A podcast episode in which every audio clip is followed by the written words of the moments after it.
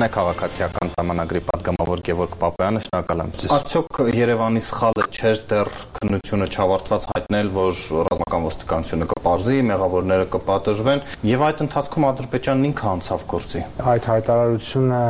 նրա համար էր, որ չլինեին այս 4 զոհերը, որովհետեւ ենթադրվում էր, որ Ադրբեջանը, այսպես ասած, օգտվելու է առիթից, ընձեռված առիթից։ Եվ դրա համար էր, որ եթե հնարավոր էր կանխել, բայց ցավոք սրտի հնարավոր չեղավ, բայց մենք պատկերացնում ենք, որ կարող է նման հետևանքներ լինել եւ փորձեցինք, այսպես ասած, մեղմել իրավիճակը։ Եվ քանի որ դա չհաջողվեց, խորհրդանական ընդդիմությունն արդեն այսօր շտապել է հայտարարել, որ տեսեք Սոչի եւ Պրահայի հայտարարությունները Ալիևի համար արժեք չունեն, այնինչ վարչապետ նորերս ասում էր, որ Ադրբեջանը ստորագրությունը հետ չի կանչել այդ փաստաթղթերից, ուրեմն մեր հիմքը դա է։ Մեծ հաշվով, քանի դեռ հետ չի քաշել ստորագրությունը, մենք չենք կարող այդ հիմքից դուրս գալ։ Բայց խնդիրն անում է, որ մի շարք մտահոգություններ, որոնք հնչում են, մենք էլ ենք կիսում։ Տեսեք, մեզ օրինակ երեք մեղադրում էին, թե ինչու է այդպիսի հայտարարություն անում։ Երեք չենք կարող ասել ինչու ենք անում։ Երեք անում ենք այդ հայտարարությունը, որ այսօր, եթե հնարավոր է, չլիներ այդ 4 զոհը։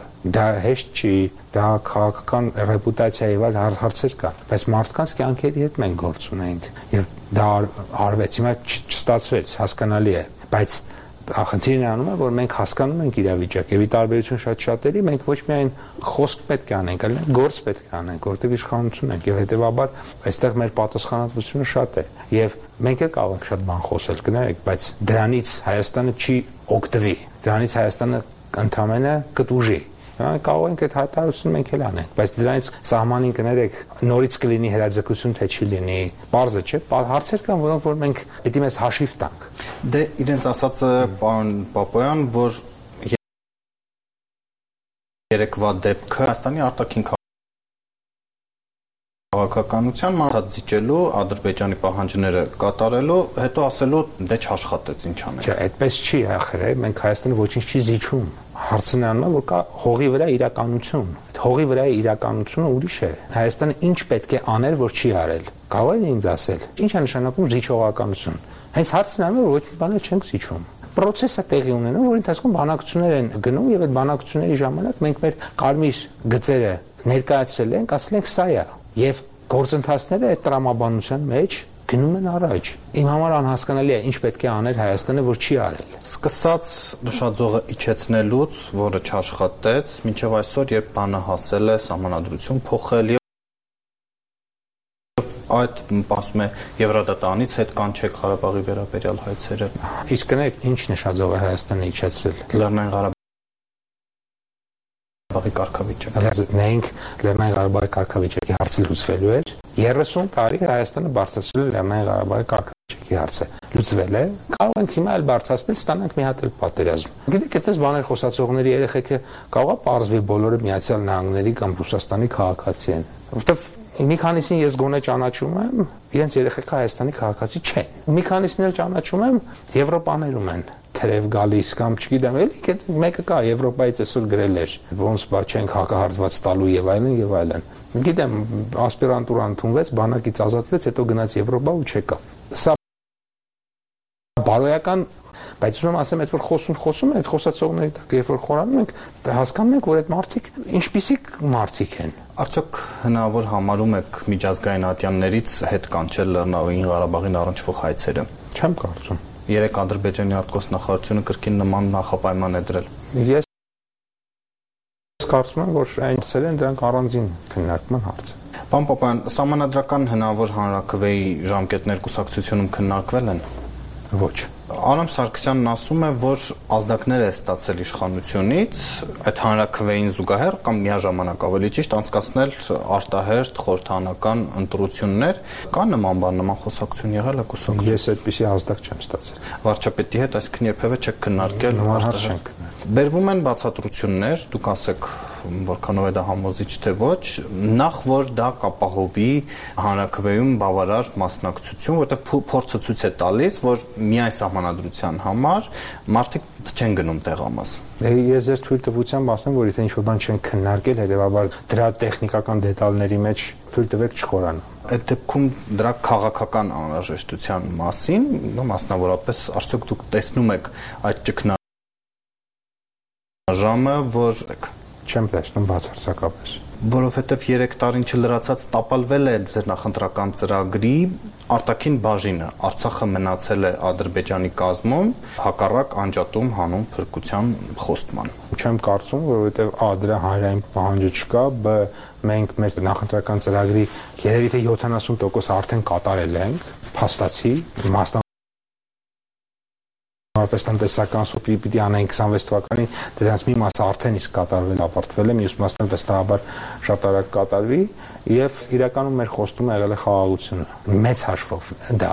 եւ եթե խաղաղության լինել չլինելուց խաղաղության պայմանագրի կնքվել չկնքվելու մասով կարող ենք ասել որ արտաքին քաղաքական մասով մենք հաջողություն ունեցանք թե չունեցանք Եվ այդ օրակարգն էլ արդյոք տապալված չէ պարոն Պապայան, տեսեք ինչքան հեռու են այսօր Երևանն ու Բաքուն այդ փաստաթղթից,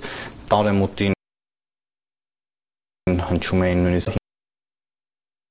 հիմա ուղղակի համաձայն դրույթներ կա որոնց շուրջ շատ մոտիկ են դրույթներ կա որոնց շուրջ շատ հեռու են եւ իրականում ես կարծում եմ որ շատ բան չի փոխվել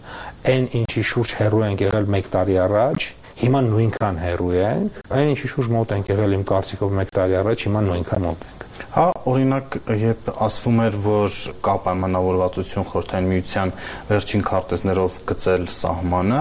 մենք Ադրբեջանից այդպես կտրուկ հակադարձում չէինք լսում, լավագույն դեպքում կամ վատագույնս դեպքում, որ նման խոսակցություն հստակություն դեռ չկա, բայց հիմա Ադրբեջանն արդեն ասում է, չէ, այլ քարտեզներ կան 40 թվականի օրինակ, որտեղ Երևանն էլ է մերը, դա փոփոխություն չէ վերջին 1 տարում։ Ես կարծում եմ, որ քարտեզները այն հարցն են, որ որի շուրջ համաձայնություն իմ տպավորությամբ երբեք չի եղել վերջնական հնարավոր համանadrական փոփոխությունների բովանդակության մասին, ինչև օրս այդ ում էր խանգարում անկախության հրճակագիրը միջազգային այս ինչ կետը խնդրահարույց է Հայաստան։ Ես կարծում եմ ոչ մի դերակատարով չպետք է պայմանավորել եւ մենք երբեք որևէ դերակատարով չենք պայմանավորում եւ երբեւե չպետք է պայմանավորենք Հայաստանի համանրության փոփոխությունը։ Դա շատ սխալ մոտեցում կլինի, եւ որ Հայաստանի համանրության փոփոխությունը երբեւե պայմանավորենք այս կամ այն արտաքին միջազգային դերակատարով բայց վարչապետն ինքն էր չէ ասում արդարադատության նախարարությունում, որ աշխարհակարգի այս փոփոխությանը պիտի համապատասխանի Հայաստանը։ Բայց դա չի նշանակում, որ մենք արտաքին դերակատարների մոտեցմամբ ենք պայմանավորում։ Դա մեր ցանկությունը պետք է լինի եւ մեր ներքին խնդիրների լուծմանը պետք է միտված լինի։ Աշխարհի փոփոխությունը տեղի ունեցող կարող է աշխարհում որոշակի փոփոխություն տեղ ունենա, վաղը ցանկացած օրենք դրանով պայմանավորված փոխի ցանկացած օրենք, բայց դա չեղավ, որ միջազգային դերակատարները այդտեղ ինչ որ դերակատարում են։ Ներողություն, մենք ասենք բազմաթիվ օրենքներ ընդունեցին իդի ժամանակ, որովհետև բան էր փոխվել աշխարհում։ Ինչքան աշխարհակահաղական փոփոխությունների հետևանքով, երբ որ քո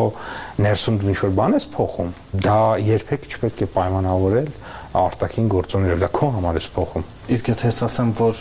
Ալիևը ուղիղ ասում է, որ պիտի փոխեք, հակառակ դեպքում խաղաղություն չի լինի։ Ալիևի ասելու հետ որևէ կապ չունի այս գործընթացը բացարձակապես անընդունելի է որևէ արտաքին ազդեցության հետ կապել եւ սա իմ կարծիքով եւ իմ դպավորությամբ չի կապվում դուք խնդիր տեսնում եք օրինակ պատմական արդարության վերականգնում արտահայտության հետ փաստաթուղթ որի հղումը դրված է Հայաստանի մայր օրենքի նախագծում այլ որ ասեք ինչ է պատմական արդարության վերականգնումը կասեմ այդ ձևակերպման բացատրությունը ճիշտ ասած այդ փաստաթղթում չկա ընդհանրում եմ դուք պիտի ասեք եթե ֆիքսենք ինչ է պատմական արդարության վերականգնումը շատ կոնկրետ եթե ձևակերպենք դա ինչ է ես կարող եմ ասել ես դրա այդ խնդիր տեսնում չէ, թե չեմ տեսնում։ Իսկ Լեռնային Ղարաբաղի եւ Հայաստանի վերամիավորման դրույթը, որը թեկուզ որպես պատմություն դա իրողություն եղել է, ինչու հանել սահմանադրությունից։ Հնարավոր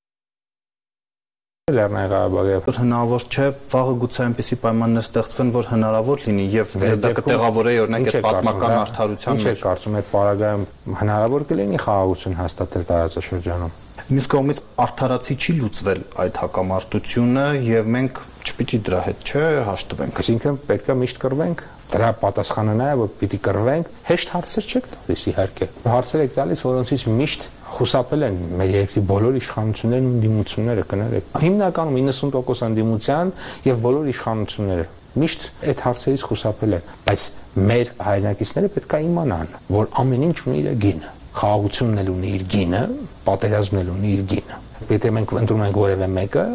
պատրաստ պետք է լինենք վճարել դրա համար։ Այդպես է։ Բայց այդ փաստաթղթից հղումից համանadrությունից հրաժարվելը միաժամանակ չի նշանակում, որ խաղաղություն կլինի։ Այո, բայց չհրաժարվելը նշանակում է որ չի լինի։ Դուք ինչպես կհակադարձեք, որ մեծ իմաստով դուք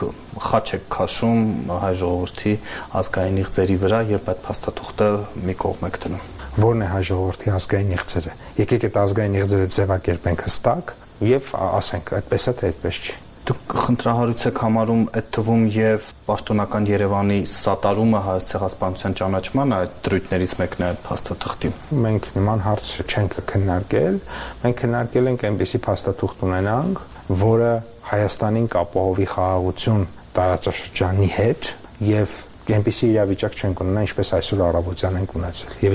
այսպիսի տասնյակ իրավիճակներ ու հարյուրավոր իրավիճակներ չենք ունենա, ինչպիսին այսօր առավոտյան ենք ունեցել։ Բայց իշխանությունը ինքը նախաձեռնել էր համանadrական փոփոխություն եւ նման հարց դրված չէր, պարոն Պապայան, այդ ինչ փոխվեց այդ դեպքում։ Որովհետեւ աշխարհակահաղական իրավիճակը աշխարհակարգը փոխվել է։ Տարածաշրջանում իրավիճակ ռուսական հարթակը գալով այլ թեմաների որտեղ ասում են նաև հիմա հետաքրքրված ենք Արցախահայերի վերադարձով։ Իրականում մեր համար այդպիսի տարբերություն չկա ռուսական, արևմտյան եւ այլն։ Մեզ համար կարևոր է մի հարթակ, որտեղ Հայաստանի դիրքորոշումները ի սկզբանե հարգվում են։ Մենք օրինակ նկատում ենք հայտարարություններ Ռուսաստանի Դաշնությունից, որոնք որ Հայաստանի դիրքորոշումները այսպես ասած չեն հարգում։ Օրինակ միջանցքային ինչ-որ տրամաբանությունների մասին են խոսում,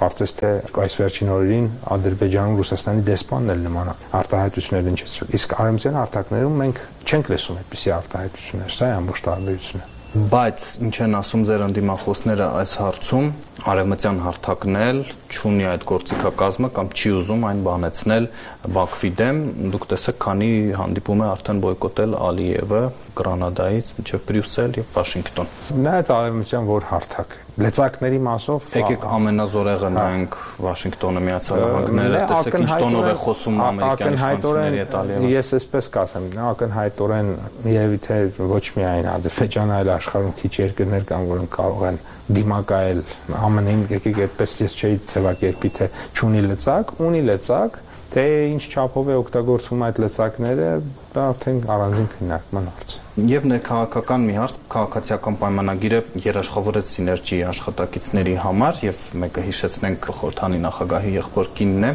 ահա այս առիթով ձեզ հիշեցնում են որ հանային հնչեղության այլ գործերով դուք չեք երաշխավորել մարդիկ իրենց քաղբանտարկյալ են համարում անուններ են հնչում բայց ահա այս դեպքում երբ կար խորհրդանի նախագահի ընտանիքի անդամը իշխող խմբակցությունը շտապեց դա անել իրականում այդտեղ բոլորովին այլ դերվակ են հաշվի առել անչափահաս երեխաների մայր լինելու հանգամանքը ավելին մեր պատգամավորներից ոմանք նաև